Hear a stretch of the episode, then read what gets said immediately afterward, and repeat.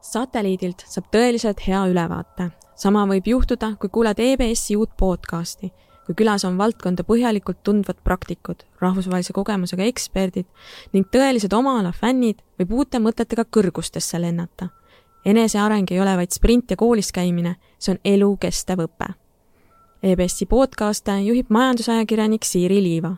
saateid saab kuulata nii Apple podcastides, Spotify's kui ka Youtube'i kanalis mis on peamised väljakutsed, millega naised ettevõtluses silmitsi seisavad, millist mõju on avaldanud koroonaaeg ning kas ettevõtlusega algust tehes on üldse vahet, kas sa oled naine või mees?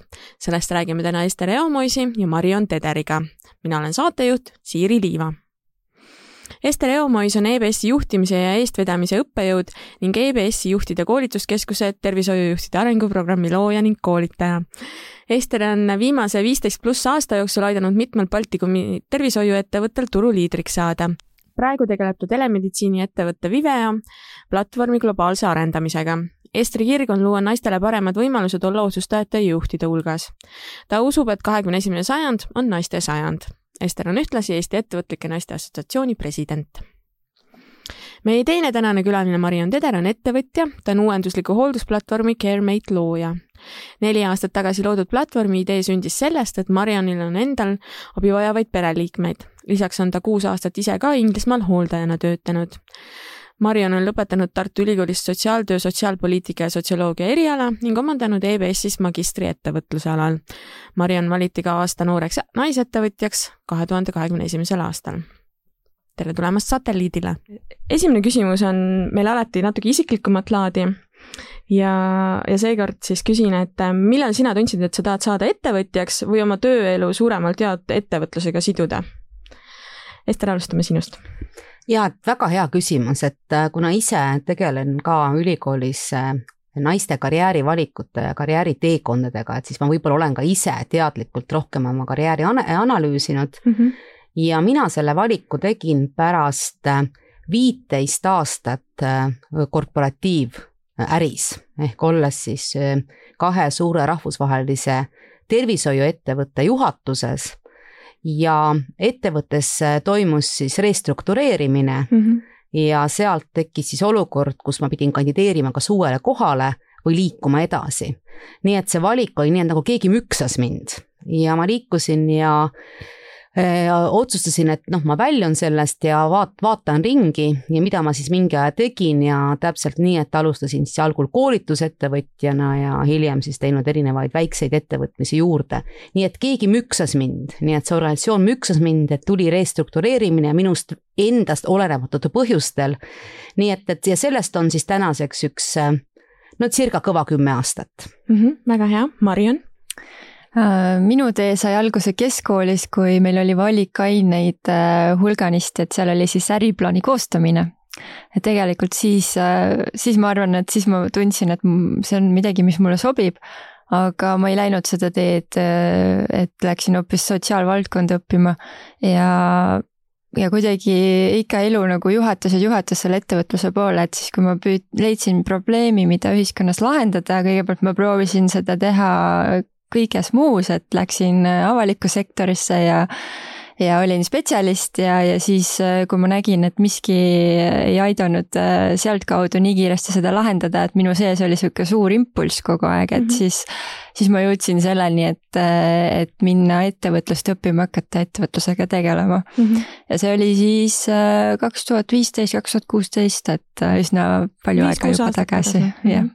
Okei okay Eh, Ester, sina oled eh, tegemas doktoritööd ja seal keskendud sa milleeniumi põlvkonna naisjuhtide karjääri tööl, eh, teele. esmalt küsin ma, et kui palju üldse kahekümne esimese sajandi naisettevõtlus erineb varasemast? jah, see on tõesti väga-väga hea küsimus, et kui me räägime täna kahekümne esimesest sajandist, et räägitakse, et siin on nagu naiste sajand mm, -hmm. et poliitikas on naised ja siis minu küsimus on, et kas ettevõtluses on ka naised kui vaadata natuke statistikat, siis tegelikult päris nii veel ei ole jah, naiste osakaal kasvab, aga kui me vaatame ettevõtluses, Eestis ettevõtluses, siis tööhõivest, tööhõivelisest na naiskonnast, nii et naistest alla kümne protsendi on ettevõtluses. ja kui me vaatame laiemalt, et oletame, et sada protsenti on ettevõtted, siis circa kolmkümmend protsenti on naised ettevõtjate hulgas, olgu siis üksinda naistena või siis nagu meeskondades omanike ringis ja seitsekümmend protsenti mehed. nii et päris see eh, sajand eh, naistes, naisettevõtjate sajand veel päris kätte jõudnud ei ole, kuid me saame kõik omalt poolt seda teha, et nii oleks. mis on erinevused, noh, mis on eri, ettevõtlus üldse on muutunud? et äh, ma arvan, et, et selline mitmete erinevate asjade proovimine startup'i, startup'id, äh, katsetamine, et see äh, on uus ettevõtluse viis, et proovida erinevaid asju. ja kindlasti ka see, et mõelda selle üle, millist muret või millist probleemi ühiskonnas me lahendame. et ma arvan, et need on nagu, nagu need kogu see tervikuna ettevõtlus on muutunud ja sellega ka need ettevõtjad, kes tegelikult ettevõtteid asutavad. võib-olla üks number veel, et kui me vaatame siis neid startup ja Eesti on väga tugev startup äh, kogukond, siis alla kümne protsendi founder itest on naised, nii et ilmselgelt äh, see on väike, väike, väike protsent. aga ma tahan öelda, et, et peaks küll nii selles suunas liikuma, et naisettevõtjate sajand on see praegune sajand mm. -hmm aga ma küsin kohe edasi, et äh, mis on peamised väljakutsed, millega naisettevõtjad täna silmitsi seisavad? No kui me vaatame neid, mis need peamised väljakutsed äh, on, et ma olen siin tõesti teinud erinevaid, äh, erinevaid uuringuid äh, ka, et et ma võin neid nimetada, kui me oleme teinud siin tudengitega mitmeid uuringuid ja et, et toon välja, mis, mis on, esimene on ärivõrgustik. Uuringud näitavad, et naised kuuluvad vähematesse ärivõrgustikesse või siis nad kuidagi ei oska selles olemasolevas võrgustikus, mis on, näha seda ärivõrgustikku. noh, vot ma toon konkreetse näite, et lapsevana, lapsevanemana ja tegelikult teised lapsevanemad on täpselt samamoodi selle ärivõrgustiku äh, liikmed. teine on äh, naiskapital, naised laenavad vähem äh, ma ei oska praegu öelda, et kas me saame öelda, et naistel on juurdepääs kapitalile vähem, aga et seda riskijulgust, et laenata, et noh, nagu, et, et see, siis Äh, ja tegevusharu valdkond, et meil on väga tugev tegevusharu, haru või niisugune töökohtade sooline segregatsioon. et tänasel hetkel niisugused pehmemad valdkonnad, sotsiaalvaldkonnad, turism, hospitality ongi nagu turism, need on rohkem naiste pärusmaa ja jätkuvalt on ikkagi infotehnoloogias, tööstuse poole peal, kus on võib-olla ka sellised suuremad plaanid, seal on tegelikult siis rohkem mehi mm. -hmm. naiste ettevõtted on reeglina väiksemad, seitsekümmend protsenti naiste ettevõtetest on üksiküritajad mis võib arvata, et võtan üksi riski ja teen üksi, tegelikult on see vastupidi kui sa üksi teed, sa jõuad palju vähem, sa palju vähem jõuad eskaleerida oma äri. et üksi äh, tegutsemine, väljakutse on kindlasti pere ja alati ma ütlen, kui ma naistega räägin ka, et naised tihti ütlevad, ma teen oma ettevõtet laste kõrvalt. ma ei ole veel ühtegi meest kuulnud ütlemas, et ta teeb oma ettevõtet laste kõrvalt, et ikka lastega koos ja, ja et, et või noh, et nagu see on nagu minu üks tegemisi, et nagu pere kõrvalt ma midagi ei tee, ma teen seda nagu oma ühe ettevõtmisena. nii et neid väljakutseid on ja need on ka teada ja need ei ole aastast aastasse muutunud. et, et see kapitali ja riskijulgus. Ja samas eh, on huvitav ka, mis me võime siin diskuteerida, olles siin EBS-i ka stuudios, naisettevõtjad on oluliselt kõrgemalt haritud. Ja vanuseliselt natuke vanemad ehk nad siis teevad kõik koolid ära, tihti on ka pered ja siis teevad siis mehed tegelikult, hakkavad kohe katsetama mm. -hmm et see on ka statistika, mis mm -hmm. ja see, mis ma räägin neist numbritest ja väljakutsetest, siin ei ole Eesti nüüd küll mingisugune nagu erand, et Euroopa, täiesti Euroopa selline keskmised numbrid et, et kolmkümmend protsenti on naisettevõtjaid, seitsekümmend protsenti mehi ja haridusteema, naiste vanus on kõrgem, need on kõik nagu üle, üle Euroopa samad näitajad mm. -hmm no Marion, sina oled äh, mõnda aega milleeniumi põlvkonna naisjuht olnud, naisettevõtja.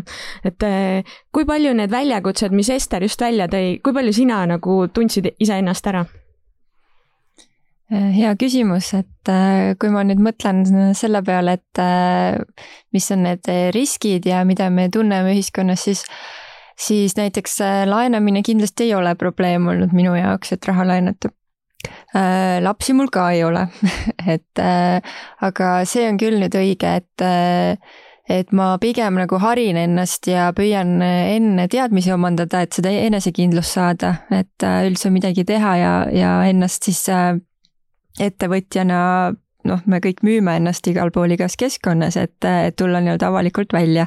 et võib-olla see enesekindlus ja selline pehmem olek versus selline tugev natuur, et see on üks asi, mis on juba mehe ja naise loomuses väga erinev, et pigem ma mõtleks ja vaataks nagu sedapidi, et miks neid naisi vähem on mm. -hmm jah. okei okay., no Ester tõi siin välja ka seda, et äh, väga suur protsent naisi on üksiküritajad. Kui suur on sinu meeskond ja kui pikalt sa tegelesid oma ettevõttega üksinda? Äh, ja see on, see on tõesti teema, et äh, kui mina olin äh, alustamas probleemi lahendust ja, või selle ehitamist, siis ma, ma võtsin seda justkui niimoodi, et mina olengi see, see üks pealik seal ja pean leidma enda alla tiimi, kes aitab mul selle ellu viia ja siis kuni selle suveni ma tegelikult sellesama suhtumisega olen neli aastat siis vedanud oma startup'i ja nüüd ma olen tegelikult suhteliselt läbipõlemise äärel ja vaatan endale co-founder eid kõrvale, kelle, kes siis äh, saavad juba suurema osaga meie ettevõtmisega liituda, et ma ise ei peaks kõike seda vastutama mm. -hmm. no kas co-founder'id või tegevjuhi vist on ka variant äh, leida? no olenevalt valdkondadest, et mm -hmm. tegelikult üksikettevõtjal on, on kõik kõik enda õlul, alates tehnoloogia poolest, turunduse mhm. poolest, finantsidest, kogu selle administreerimise poolega. et selles mõttes äh, tegelikult on palju lihtsam ja, ja ka investorid alati on öelnud, et, et igas selles suuremas äh, vastutusalas võiks olla oma inimene mm. -hmm aga, aga mina kuidagi äh, pigem jagasin nagu siis optsiooni ja võtsin ja katsetasin, et kellega koostöö välja tuleb, kas me üldse sobime ja kas ta ikka on piisavalt tubli ja sobib minu tiimi ja siis ma olin hästi kriitiline mm -hmm. ja ja noh, nüüd ma olen siis üksi mhm. okei okay no viimased poolteist aastat me oleme olnud üsna ebatavalises olukorras, koroonapandeemia on kogu maailma, mitte ainult Eesti elu segi paisanud. ma lugesin hiljuti ka ühte artiklit, kus öeldi, et naistöötajad on hakanud pandeemia mõjul ka üha rohkem töölt lahkuma. Ester, millist mõju on koroonaaeg üleüldse naisettevõtlusele avaldanud ja kui palju sa isiklikult oma nahal seda tundnud oled? Tõesti nii on, et, et nüüd me saame juba rääkida sellest mõjust ka, et sest see koroonaaeg on päris äh, kaua mm -hmm. kestnud. et võib-olla ma ei oska siin nagu tuua, et nüüd me räägime kas naisettevõtja või naisjuht või naistöötaja, et ma arvan, et peaksime rääkima naistest kui äh,, äh naistest üldse ja mm -hmm. naistest üldiselt. no ilmselgelt, äh, ilmselgelt Äh, selle koroona ajal seoses ümberkorraldustega ka ühiskonnas, eks ju, siis koduõpe ja, ja laste, lastehoiu kinnipanemised, et siis ilmselgelt, ilmselgelt naiste koormus kodustes ülesannetes kasvas, seda näitavad kõik uuringud. ja inglise keeles on selle kohta nagu sõnad, muidu me räägime palgalõhest pay gap, nagu siis mm -hmm. palgavahe, äh, et siis me räägime selle care gap või see hooldusvahe mm -hmm. ehk kui palju kulutavad mehed muudele asjadele kui töö tegemisele ja isiklikule harimisele ehk siis kodustele tegemistele aega ja palju kulutavad naised. et siis erinevate riigitel, erinevates riikides on see alati olnud mm -hmm. noh, siin tunnist kuni mitme tunnini äh, päevas, sõltuvalt äh, riigist ja sõltuvalt, milline see riik on ja kuhu ta on jõudnud nüüd kõikides riikides äh, võib öelda, et kui ma uuringut olen lugenud, siis see naiste osa kasvas oluliselt. ja mis teine, mis on huvitav, et need riigid, räägime praegu Euroopast mm, -hmm. et mhm. ma ei, ei tahaks ka, need riigid, kes hoidsid siis koroona ajal ikkagi lastehoiu lahti, et kui lapsi oli võimalik viia lasteaeda mm -hmm. või siis äh, äh, ka koolid lahti, need äh, naised ja need riigid said palju paremini hakkama. jah, et, et kui olukord, kus ei ole võimalik no kuna abilisi tuua ei saanud, oli, oli isolatsiooninõue, et siis see surve kodustele töödele ja surve mitme koorma kandmisele on olnud väga suur. ja tõesti äh, on äh, sest üld, üldstatistikat ma Eesti kohta oma statistikat ei, ei, ei ole ei näinud, aga et reaalselt on äh, siis inimesed, naised vähendanud oma töökoormust ja osalise tööajaga või siis on tulnud töölt ära, et, et seista, hoolitseda oma pereliikmete ja lähedaste eest ja kui palgalõhest nagu rääkida, et siis tegelikult see palgalõhe üks komponent on see ka, kui inimesed, naised töötavad osalise tööajaga. Sest tegelikult osalise tööajaga makstakse reeglina vähem, kui sa töötad nagu täis, täiskohaga. et see on selline nimetatakse flexibility mm -hmm. stigma või paindlikkuse stigma, et kui sa ei tööta täiskohaga, siis tegelikult sa ei saa need karjääri edendusi ja edasiliikumisi ja makstakse nagu vähem, et see on ka see, see on üldine, et, et kes ka teavad, et alati vot see osalise ajaga töötamine tundub nagu muidu mm -hmm. nagu hea mõte, kuid sellises tööalase karjääri arendamises ja palga mõistes see täna seda kinnitust ei oma nii et äh, jaa, et äh, loomulikult riigiti on see, riigiti on see erinev ja teine ma tegime oma tudengitega, tegime ühe äh, naisjuhtide karjääriuuringu sellel kevadel. ja selle kohta ma võin öelda, et lihtsalt Eesti naised on nii tublid. Nad lihtsalt on kangelannad. Nad on nii tublid, nad on äh, kohusetundlikud, neil on energiat, nad peavad vastu ja, ja saavad hakkama, nii et tegelikult on oluline ka mingil hetkel tunnistada ja küsida abi, kui see võimalik on, et, et seal ka näha, kuidas inimesed lihtsalt võtavad endale neid olulisi kohustusi juurde ja, ja, ja teevad ära mm. -hmm. et, et see äh, Eesti naiste tublidus on kindlasti koroona ajal aidanud vastu pidada mm. -hmm kuidas sa ise isiklikult omal nahal oled seda koroonaaega äh, tunnetanud, tundnud? tunda no, saanud? kindlasti, kindlasti ärimudelite ja tööalased muutused, mitmed asjad, mis puudutavad, kuidas, milliseid töid ma tegin, et need palju muutusid, et ma alles ülikooli õppejõud, koolitajad, mitmed asjad jäid ära ja ülikoolis liikus kõik see Äh, virtuaalsetesse kanalitesse eeldas palju paremat digivõimekust. samas tulid minu ellu uued äh, äriprojektid, globaalse telemeditsiini platvormi arendamine. ja mina olen selles olukorras, minu lapsed on täiskasvanud ja tänu sellele äh, mul ei tekkinud seda olukorda, et, et ma pidin, pidin selle pärast muretsema et eelkõige just, kui me räägime sellest, kellel on siis nagu ükskõik siis kooliealised või üldse mm, -hmm. üldse ütleme nii, et äh, lapsed, kes on äh, lasteaia beebi või siis kooliealised, see puudutab eelkõige neid mm. -hmm okei okay., no Mariann, äh, sa enne ütlesid, et sa pärast nelja aastat tunned, et sa oled läbipõlemise äärel, et kui palju sellesse koroonaaeg on panustanud? jaa, koroonaaeg tegelikult mõjus ka ja ma arvan, see, et ma ise põdesin koroona läbi, mõjus ka, et äh, et ikkagi see viirus ise on juba tervisele koormav ka pärast seda, kui see on läbi põetud, et ma tunnen siiamaani, et mul oli ilmselt see pikk versioon mm. -hmm. ja see on üks, üks probleeme ka siis juhtimises, et ei ole lihtsalt nii palju jõudu iga päev, et, et full power'iga edasi liikuda mm. -hmm. aga ärilises mõttes meil tegelikult on, on läinud nagu kahtepidi, et kuna nüüd siis on kogu maailm avatud rohkem hooldusteemadele ja eakate teemadele, ja üksindusele, et need suured tee-, on sellised te teemad, mis minu äri väga tugevalt puudutavad, siis selles mõttes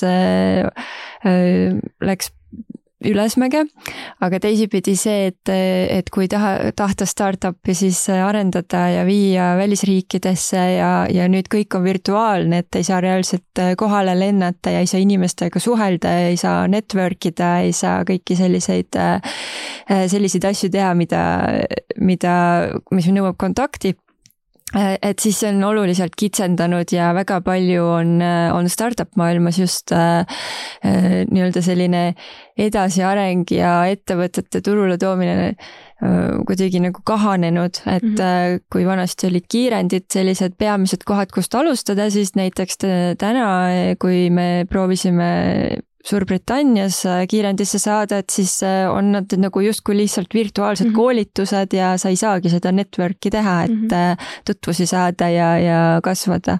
ja noh, USA-s on veel keerulisem, et sinna ei lasta isegi riikli, riiki sisse, et mm, -hmm. Et selles mõttes jah, challenge'id igatpidi lugesin teie eelmise aasta majandusaruandest, et teie eesmärk oligi see aasta laieneda mujale, aga kas te üldse jõuate mõnda teise riiki selle aasta lõpuks? Äh, me tegelikult aasta alguses äh, hakkasime katsetama Suurbritanniat mm -hmm. ja jällegi Covidi mõju on seal olnud üsna suur selles mõttes, et kes varem läksid suure rõõmuga teenusepakkujateks, et hooldust pakkuda, siis nüüd on neil hirm selle Covidi ees mm -hmm. suurem. et neid spetsialiste ja huvilisi on oluliselt raskem leida ja saada. ja teine asi on seal Brexit, mis siis nüüd pani piirangud sellele, et välislähetused sest inimesi siis seda teenust sinna pakkuma viia. et ja siis käibki tugev konkurents teiste ettevõtetega, et kes paremad mm -hmm. teenusepakkujad endale saab, et noh, see on olnud üsna raske mm. -hmm. niisugune paras proovikivi ärimudelile ka.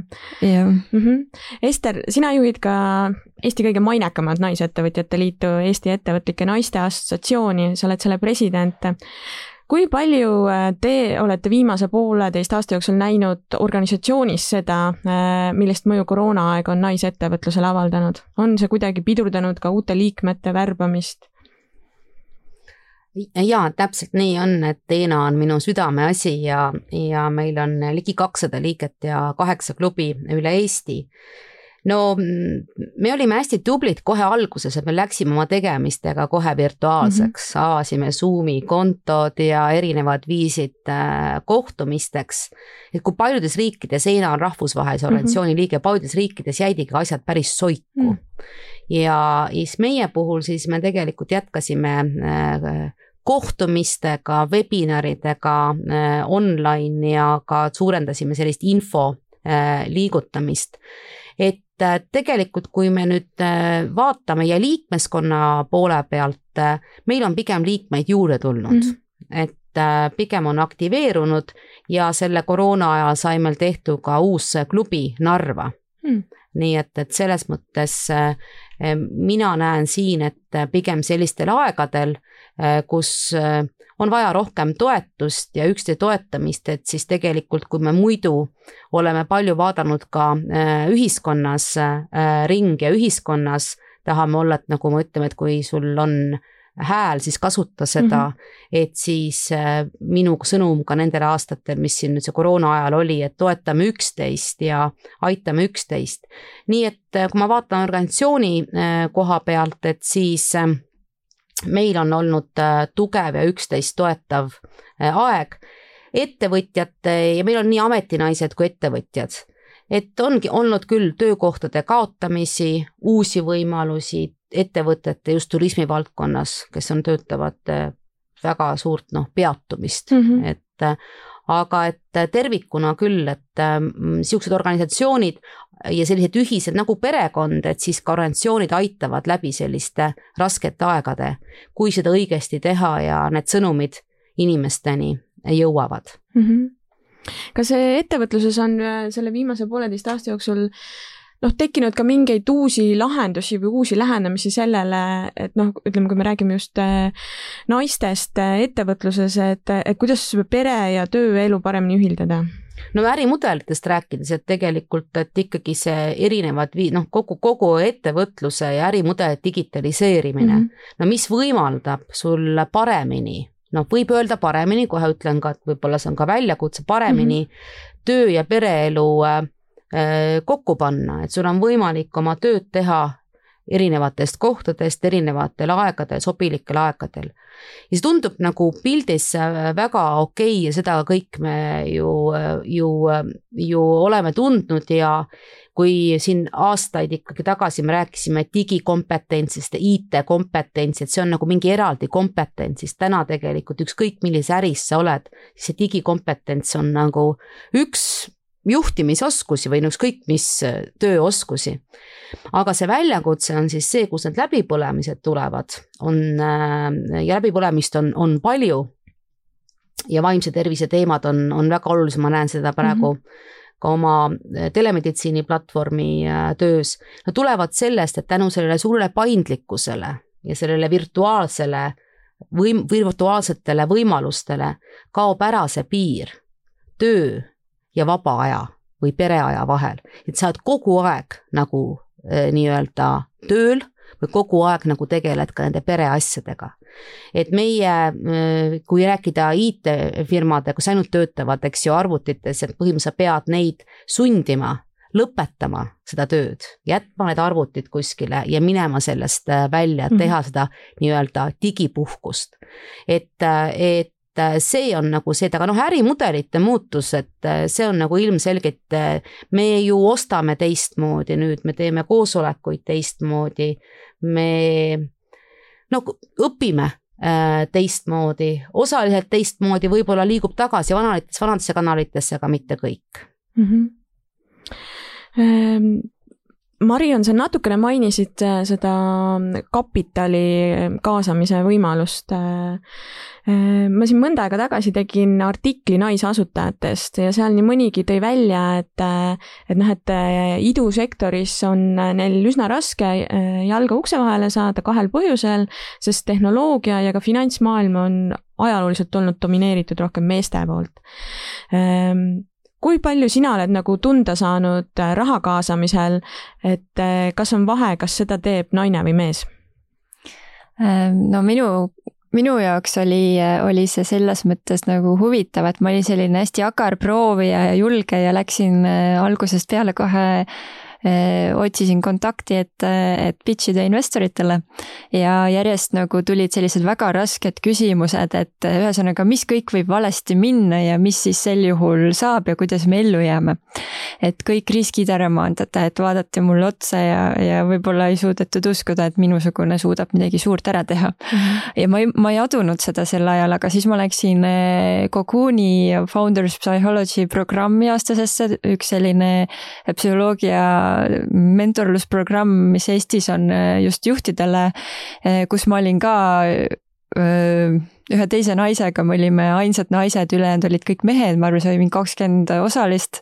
ja seal meil oli vaja siis teha sellist um, nagu, äh, sellist nagu mängu läbi, kus meid pandi tiimidesse ja siis seal kogu aeg tulid välja sellised äh, suhtumised meeste poolt naistesse mm. -hmm. ja siis äh, me pidime pärast neid samu probleeme, mis seal mängus tuli, pidime siis võrdlema enda, enda siis ettevõttega, et kas needsamad probleemid on meil endal ettevõttes ja see avas minu silmad nagu väga suurelt, et, et tegelikult maailmas, kuidas mehed suhtuvad naistesse, ol-, olgu see siis kas raha kaasamine või tiimi kaasamine -hmm. või, või arendajate kaasamine, et, et paratamatult nagu on mingi selline roll seal olemas ja hiljem uurides ja lugedes ja vaadates kõrvalt teiste startup'ide nagu nii-öelda olukordasid, noh, et kui kaugele nad on jõudnud ja palju nad sel hetkel raha kaasavad, siis on küll tundunud selline asi, et mul on ülekohut tehtud, et et, et jah, seda on tunda olnud mm. -hmm okei okay,, väga hea, sa tõid selle stereotüüpide teema sisse, ma järgmise küsimusega tahtsin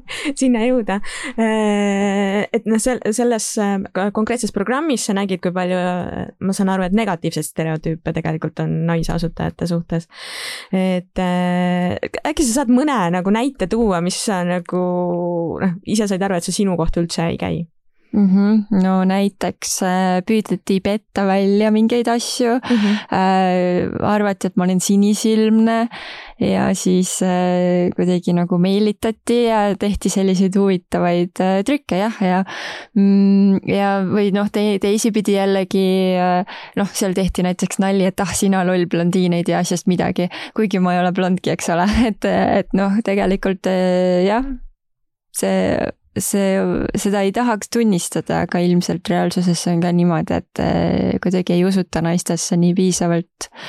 et ikkagi äh, siin, ma arvan, tuleb mängu ka see, et mehed on sellised ratsionaalsed otsustajad ja naised mhm. on pigem sellised pika, pikaldased läbimõt-, mõtlejad, enne kui nad midagi teevad ja, ja rahulikult ja pehmelt kuidagi küll tunduvad, aga samas nad on äh, teisipidi, kui mõelda, et ettevõtete juhtimist kindlasti statistikat leiab, et kus on naisjuhid, nad on suutnud nagu kriisiolukordades paremini juhtida ja üleüldse nagu tuua ettevõtteid pankrotist välja päris palju, et et, et tegelikult seda tugevust on. Äh, aga, aga jah, siinpool äh, ma arvan, et naised, äh, kuna nad suudavad nagu mõelda nagu laiemalt, multifunktsionaalsemalt, nagu öeldakse, siis see on nagu üks asi, mis mängib nagu naiste puhul olulist kasvurolli, et, et noh, aga samas jällegi tuleb see koht, et naised võib-olla ei ole nii lihtsasti ja kergesti öö, otsustama kiiresti mingeid otsuseid mm, -hmm. et nad äh, kaaluvad äh, võib-olla vahest liiga kaua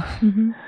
Ester, kas äh, üldse on ettevõtjana alustades vahet, kas sa oled naine või mees? see on hea, hea küsimus ja et kui see stereotüüpide küsimus, et see nais, naisjuhid ja naisettevõtjad ja meesjuhid ja mees, kah nad on erinevad, see on nagu selline äh, suur küsimus, mille üle nagu äh, vaieldakse ja räägitakse. no võib-olla üldse, et me räägime tegelikult võib-olla see, et mehe, peaksime rääkima mehelikud ja naiselikud tegevusjooned, et see tingimata ei tähenda, et see puudutab ainult, ainult meestele või naistele. võib-olla esimene asi, millele me peaksime mõtlema, kui täna on ka äh, kuulajate hulgas äh, palju naisi, et siis tegelikult, äh, et üks, mis on oluline, et naistel on tendents ka ise noh, nüüd kuidas öelda, eh, mitte võtta nagu kõike positiivselt, nagu positiivse pähe, et mhm. tegelikult mm -hmm. iseenda nagu neid eh, oskusi ja endas ise rohkem kahelda mm -hmm. ja mitte endas tegelikult eh, mm, noh, oma oskusi nagu nii-öelda alla, allapoole nagu suruda, et et meeste puhul on äh, pigem, no toon lihtsalt hoopis niisuguse nagu töökirjelduse näite või võime ka valdkonna võtta, et, et seda on nüüd küll nagu uuringud, see nagu kõige paremini nagu näitab ja ma arvan, et siin peaks nagu ettevõtjana küll kindlasti eeskuju võtma. et selline ütleme siis ikkagi mee-, kui mees näeb töökuulutust või mingisugust valdkonda ja seal on palju asju, mis seal kõik kirjas on, et siis tegelikult mees leiab sealt kaks-kolm, neli-viis tükki, mis tundub, et neid ta oskab ja ta absoluutselt kindlalt äh, selle peale äh, kandideerib. kui naine vaatab sama kuulutust, aga leiab sealt ühe asja, mida ta võib-olla perfektselt ei oska, et siis ta jätab tegelikult noh, kandideerimata. nii et äh, põhimõtteliselt selline suhtub, et vaatame, proovime, katsetame mm, -hmm. et see on selline võib-olla mehelik, ma ei ütle, et mehe, vaid mehelik selline ettevõtja joon. naise puhul rohkem kalkuleerime, arutame, õpime ja siis liigume tegema. aga tahan ka öelda, et seda, et kas nais- või meesettevõtjad, miks me oleme ka ENA-s palju tähelepanu pööranud naisettevõtjate koolitustele, mentorprogrammidele, tegelikult ainult sellepärast, et neid on vähem ühiskonnas. Mitte sellepärast, et kuidagi oleksid paremad või halvemad kui mehed, aga et miks, sest ühiskonnas, kui on tasakaal, kui on mitmekesisus, et siis uuringud näitavad ja praktika kinnitab, on ettevõtetel paremad tulemused, on inimesed rohkem rahul, on ühiskonnas rohkem seda õnne ja eh, head eh, olemist. nii et mitmekesisus on see teema. ja ühe asja ütlen veel, et tegelikult eh, sellest räägitakse vähem, kuid soolised stereotüübid, vähemalt kui me Eestis vaatame, on on ikkagi muutumas ja me, kui me ise kogu aeg ei kinnista ja oma lastele ja oma lastelastele näitame sellist äh, võrdset ja vaba ja uskumuste ja piirangute vaba ühiskonda, siis tegelikult suurem teema on vanus ja vanuseline äh,, äh, vanuselised stereotüübid. ja siin tuleb mängu ka muide naised ja vanus. küll sa oled ühel hetkel liiga noor, et midagi teha, tõsta raha teha suurettevõte, juhtida tööstusettevõtet või ühel hetkel oled liiga vana, et töötada kuskil. et need on need vanuse teemad ja need on ühiskonnas, millest isegi täna veel vähem räägitakse, aga et need peale selle sellise äh, stereotüüpide, mis on soostereotüübid, on need vanuse stereotüübid ja need on ka teemad, mida meie nüüd juhtidena, ettevõtjatena peaksime tähele panema, sest me teame, et mitmekesine ühiskond toob rohkem kasu mm. -hmm no Ester, sa ütlesid siin vestluse alguses ka, et, et suur probleem on see, et juhtivatel kohtadel jätkuvalt on väga vähe naisi. mida saab selle olukorra parandamiseks ära teha? no olukord kogu aeg paraneb ka, et, et kui me vaatame mm -hmm. just ettevõtjatena, et kui me vaatame ettevõtjatena, et just, et, et ettevõtjatest on naisi oluliselt vähem kui, kui mehi, et noh, üks on kindlasti eeskujude teema, et mul on väga-väga hea meel, et meil on täna, on minu staadio, stuudiokülaline ja palju teisi tegusaid äh, äh, naisfounder eid, naisettevõtjaid, kes oma teekonnast ka räägivad mm. -hmm. ja räägivad oma võitudest, räägivad raskustest ja olles eeskujudeks et kui ettevõtlusest rääkida ka, et on nagu erinevad ettevõtluse viisid, noh, miks inimesed ettevõtjaks hakkavad, siis äh, üks on äh, väga selgelt noored saavutajad, mida nimetatakse noored saavutajad, et väga selgelt tegelikult lähevad oma rollimudelite teed mm, -hmm. lähevad oma eeskujude teed.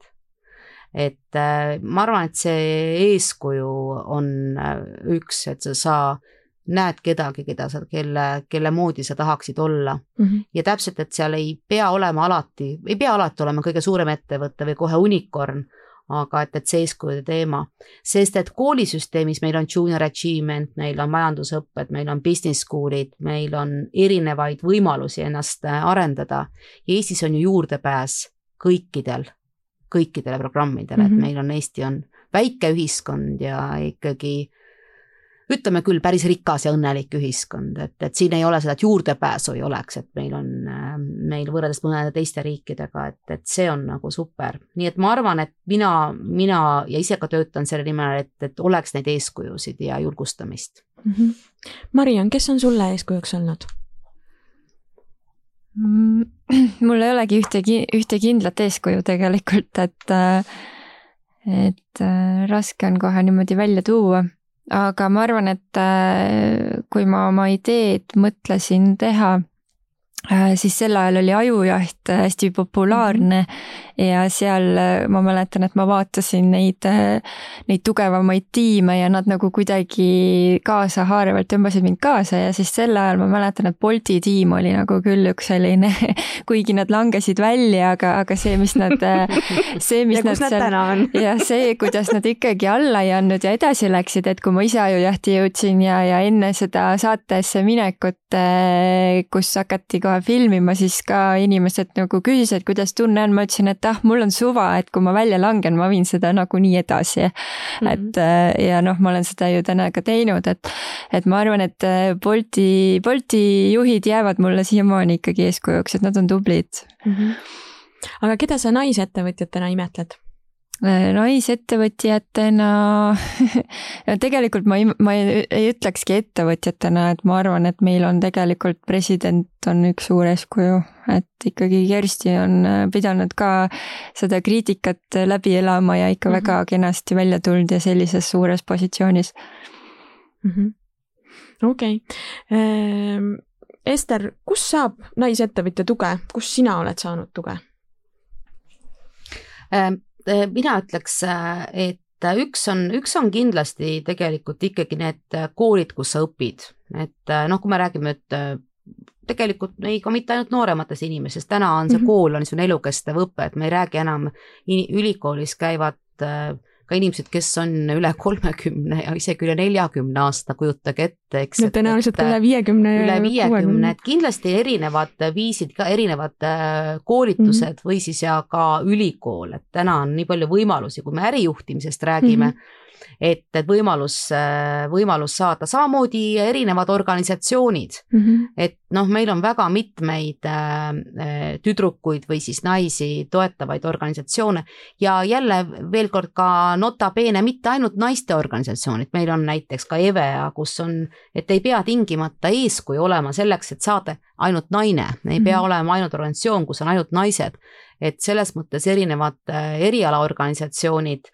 ja noh, põhimõtteliselt kui vaadata ka erinevaid selliseid noh, täna sotsiaalmeediasse, kui ka natukenegi ringi vaadata, on võimalik ennast harida ja leida mm. -hmm. aga ma, ma märgistaks ja ütleks seda, et, et et see ük-, see üksi tegemine võib-olla on see suur nõrkus, mis on, et tegelikult luua neid võrgustikke mm, -hmm. arutada, julgustada, et meil on olnud siin Eenaga mitmeid koolitusi ja mitmeid asju ja ma näen, kuidas äh, naised ikkagi püüavad ja ponnistavad üksi mm, -hmm. et tegelikult peaks rääkima, et ei tasu nii üle muretseda, et keegi sul äriidee ära võtab või, või, või midagi, et kõik need äriideed, mis enamik on tehtud, on täiesti juba olemas, aga et ikkagi nagu öeldakse, kui tahad minna kiiresti, mine üksi, tahad minna koos, kui tahad minna kaugele, Kaugele. mine koos.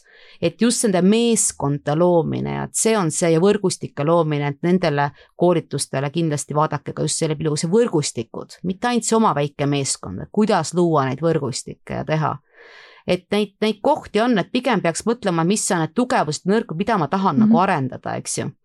ja, ja et, et, et siis selle järgi, et, et mina, mina ütleks, et üks on see, et, et hea, kui on eeskuju, julgustan ka ükskõik, kui sa oled juba mingi ajaga teinud asju, et, et tegelikult sa leiad neid eeskujusid, sul on oma mentorid mentor võib olla ka oma hea tuttav, kuid reeglina öeldakse, et võib-olla see tuttav on natuke algul natuke oled tema sparringpartneriks, aga mm -hmm. hiljem on ka hea, kui see ikkagi see inimene nagu vaatab seda asja koos sinuga natuke suuremalt mm -hmm. kui Mhm. ainult sõber mm. -hmm. No ma saan aru, et Ettevõtlike Naiste Assotsiatsioon on ka septembris äh, alustamas ühe aastase projektiga, mille eesmärk on naisi rohkem ettevõtlusega tegelema kutsuda. jaa, täpselt, et äh, teeme koostööd Coca-Cola äh, fondiga ENA-s juba, juba mitmed aastad kui esimesel aastal oli meie sooviks, esimeses programmis oli selleks sooviks, et naisi tuleks rohkem üldse proovima ja saaks rohkem teada ettevõtlusest, teises astmes oli meil see, et kuidas siis oma olemasolevat pisikest ettevõtet kasvama panna mm. -hmm. ja sellest osa läkski ka koroonaaega, nii et me liikusime edasi ja tegime neid asju online ja nüüd lõpetamisel saime teha ja üle saja, üle saja naisettevõtja osales selles meie programmis läbi siis mitme aasta. ja uues projektis on meil nüüd uus märksõna sinna juurde, roheettevõtlus. et see on teada, et räägi ja kui õpetad naist õpetad kogu ühiskonda mm, -hmm. õpetad nagu laiemalt nagu seda kommuuni. ja üheks eesmärgiks on meil see, et naistest saaksid eeskõnelejad selle rohelise mõtteviisi elluviimisel Eestis ja teise koha pealt, et naised, kes mõtlevad ettevõtluse peale või kes teevad juba ettevõtet, nende ettevõte oleks sellest rohelisest äh, lähtuv ja lisaks sellele siis äh, ka neid, kes tahaksid teha midagi kohe, mis toetab seda rohelist mõtteviisi, päris roheettevõtteid. nii et pikem projekt on äh, algamas ja, ja kõigile huvilistele, et äh, jälgige, jälgige äh, sotsiaalmeediat, et seal on võimalusi siis kõikidel liituda väga mitmete erinevate ettevõt-, ettevõt-, alates seminaridest kuni häkatlonideni ja konverentsini välja nii et jah, et, et see just see julgustamise pool ja võrgustike loomise pool on see põhimärksõna mm. -hmm. sest et ma saan õppida neid, kuidas öelda, äriplaani koostamist ma isegi saan vaata et õppida online, noh, nii-öelda iseseisvalt üksinda, aga üksi suurt ja ambitsioonikat ettevõtmist ikkagi on väga raske teha mm. -hmm no hiljuti sai meediast lugeda, et pikalt Eesti suurimat lihatööstust juhtinud Anne Mere on päevapealt priiks saanud ametist. küsin teilt mõlemalt, et noh, mis soovitusi te annaksite kas talle oma karjääritee jätkamiseks või naisjuhtidele, naisettevõtjatele üleüldse, kes ühel päeval end sarnasest olukorrast leiavad? Mariann, alustame sinust no ma arvan, et esimene asi on see, et tuleks, tuleks mitte isiklikult võtta, et tavaliselt naised kipuvad ennast kohe süüdistama hakkama mm, -hmm. et see on hästi oluline ja teiseks, et ikkagi elus on erinevaid etappe ja tuleb vaadata nagu sellest, selle pilguga, et mis need praeguse eluetapi kõige õigemad prioriteetsemad tegevused on, millele peaks pühenduma ja, ja noh, ettevõtlusega saab alati edasi minna, et, et see, et ühest kohast ära minna või, või midagi kuskil, mingi uks läheb kinni, see alati ava, avab järgmise ukse, et mm. -hmm. Ester, tahad lisada? jaa, et, et kui rääkida sellest konkreetsest nagu näitest, et äh, olles olnud pikka aega tippjuht äh, Eesti ühes juhtivas äh, tööstusettevõttes, ma arvan, et sealt on nii palju kogemust ambitsiooni ja teadmist, et teha siit üks korralik startup, millest tuleb valdkonna uus, uus suur tegija, et tööstuse poole pealt tegelikult neid startup'e, noh, siin on, on. aga neid ei ole palju, tõsi. ja, ja et, et selles mõttes äh, ei tunne isiklikult inimest, aga et olles lugenud ka seda, et tegelikult see see on võimalus mm, -hmm. see on üks uks läheb kinni ja teine avaneb ja et aga ma arvan, ma olen nõus Marianiga, et natuke võib-olla algul peaks nagu korraks nagu rahulikult võtma mm, -hmm. mõel-, mõtlema, mis ma tahan teha, et, et inimesed reeglina tööalased vaatavad niisugust seitset aastat mm. -hmm. sa ei saa vaadata, mis saab kahekümne aasta pärast, seda me keegi ei tea, eks me ei, näeme, me keegi ei teadnud, et tuleb koroona mm. -hmm aga et seitset aastat, niisugune on seitset, kui mina mõtlen täna, et kus ma täna olen, et seitset aastat on selline mõistlik, mõistlik perspektiiv, vaadata, mis ei tähenda, peame detailselt mhm. teadma mm, -hmm. aga et mis mina ise tahan, mis ma tahan selle seitsme aastaga tegema, ärme ära unusta, et elu ei ole ka ainult töö ega ainult ettevõtlus, mis mm -hmm. ma tahan inimesena, mis ma tahan naisena selle seitsme aasta jooksul teha, et see on selline hea küsimus, mida mõelda, et sa soovitan meil kõigil mõnikord korraks võtta sealt rongilt äh, nii-öelda maha astuda ja, ja kuulata ja mõelda mm. -hmm no ma arvan, et see on väga hea soovitus, millega meie eh, sisu osa lõpetada, aga nagu me juba ette hoiatasime, siis meil on ka niisugune traditsiooniline lõpuosa, kus kõik külalised saavad siis vastata iga kord samadele küsimustele ja teie ka ei pääse nendest. ja esimene küsimus on, mis on see juhtimisraamat, mida soovitaksid lugeda kõikidel, keda paeluvad juhtimisküsimused ja väljakutsed ja Mariann, alustame sinust. Eh, kui ma kui ma siin EBS-is õppisin, siis, äh, siis äh, strateegilises eestvedamises oli meil üks kohustuslik, äh, kohustuslik raamat läbi lugeda. selleks on siis True North, mis on ähm, Bill George'i ja Peter Simsi poolt kokku pandud ja miks ta on hea, on sellepärast, et selles on hästi palju eneseanalüüsi ja kõik leadership'i tahud on nii-öelda lahti võetud tükkideks, et, et saab ennast saab ennast täiendada, kui olla juba liider või juht, aga samas jällegi, kui mõelda selle peale, et kas äh, see on midagi, mille, millega tahaks edasi minna, et siis on hea julgustus, äh, julgustusraamat mm. -hmm, väga hea. Ester, üks juhtimisraamat ähm,. ja, et kui ma alati loengutes ka alati soovitan, mul on pikk nimekiri, ma valisin ühe raamatu välja, see on ilmunud Äripäeva raamatuklubis mm. eesti keeles olemas ja autoriks on kognitiivpsühholoog Therese Huston ja raamatu pealkiri on Kuidas naised otsustavad.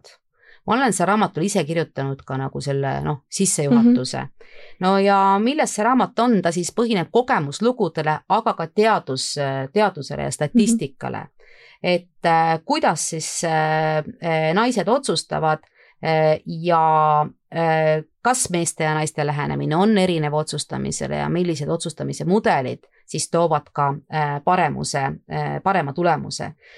see raamat murrab müüte ja avab arutelu, et kuidas me saaksime oma harjumusi, eelarveid, strateegiaid muuta, et me oleksime paremad läbirääkijad ja paremad otsustajad päris paks raamat, et jõuate veel äh, siin võtta niisuguse kolmsada viiskümmend kaks lehekülge, aga tõesti, tõesti soovitan, nii et kuidas naised otsustavad mm. -hmm, väga hea.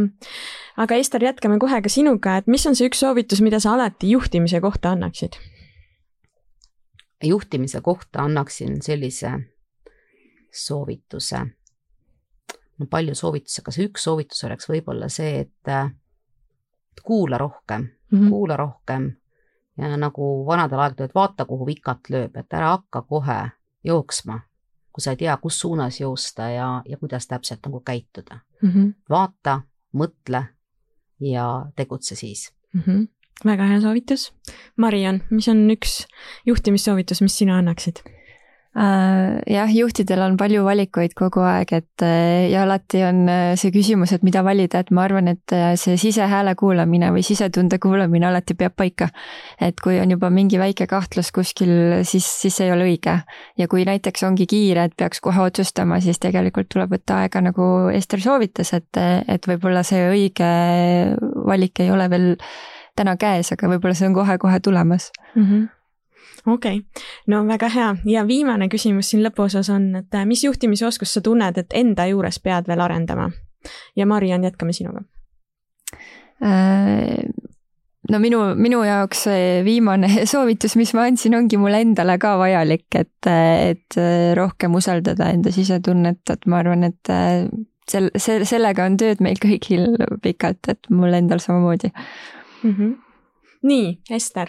no mina ka, et, et olles päris pika juhtimiskogemusega, et tegelikult nagu rohkem arvestada teiste arvamusega, rohkem kuulata, rohkem kaasata ja et mitte alati tunda, et sa juhina pead olema see perfektsionist, see mm. kõike teades ja kõige nagu tegija, et, et võib-olla mis ma olen alati mõelnud, aga see on alati nagu arenguruumi, et tegelikult äh, kaasata ja hoida ja arutleda koos, koos meeskonnaga, et, et see on, see on, see on oluline, aga tihti, mis on see, mida mina alati, mul on nagu nii kiire, mul on vaja, ma teen selle, mulle tundub, et ma teen seda äh, ise kiiresti, paremini, aga see ei ole tegelikult õige, see ei ole õige ei, ei sisus ega selles minu mõttes. et seda ma olen pidanud endale meelde tuletama algusest peale, kui ma juhiks sain ja siiamaani, et arengut on äh, alati mm. -hmm no see on äh, alati hea märk, kui, äh, kui tunned, et arenguruumi on. aga selline oligi meie tänane saade. aitäh, Ester, aitäh, Marion, aitäh ka meie seekordsetele kuulajatele ja järgmise korrani. see oli EBS-i podcast Satelliit. Saateid saab kuulata nii Apple podcastides, Spotify's kui ka Youtube'i kanalis